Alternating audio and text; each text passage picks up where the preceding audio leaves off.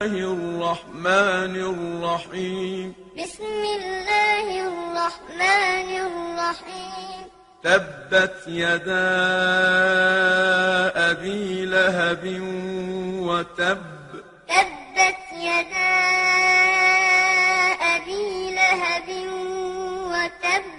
ما أغنى عنه ماله وما كسب